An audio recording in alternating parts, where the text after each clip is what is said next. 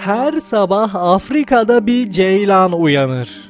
En hızlı aslandan daha hızlı koşması gerektiğini bilir. Yoksa öldürülecektir. Her sabah Afrika'da bir aslan uyanır. En yavaş ceylandan daha hızlı koşması gerektiğini bilir. Yoksa aç kalacaktır. Aslan veya ceylan olmanız fark etmez. Güneş doğduğunda koşmaya başlasanız iyi olur. Çünkü etrafınızda sizden daha hızlı koşan birçok şey vardır. Değerli dinleyenler her sabah uyanıyoruz. İş yerimize gidiyoruz. Para kazanmaya çalışıyoruz. Kazanıyoruz veya kazanamıyoruz ama biliyoruz ki karnımızı doyurmak için, hayatın devamını sağlamak için vatana millete hayırlı işler yapmamız gerekiyor ve hayattan biraz daha zevk alabiliyor olmak için de ekonomimizi düzeltmemiz gerekiyor. Yani ayağımızı yorganımıza göre uzatmamız gerekiyor. Bunun haricinde hayattan daha büyük keyif alabilmek için etrafımızdaki insanlarla iyi geçinmemiz gerekiyor. Onlarla dostluk, arkadaşlık gibi ilişkilerimizi geliştirmemiz gerekiyor. En önemlisi de akraba ilişkilerimizi biraz daha geliştirerek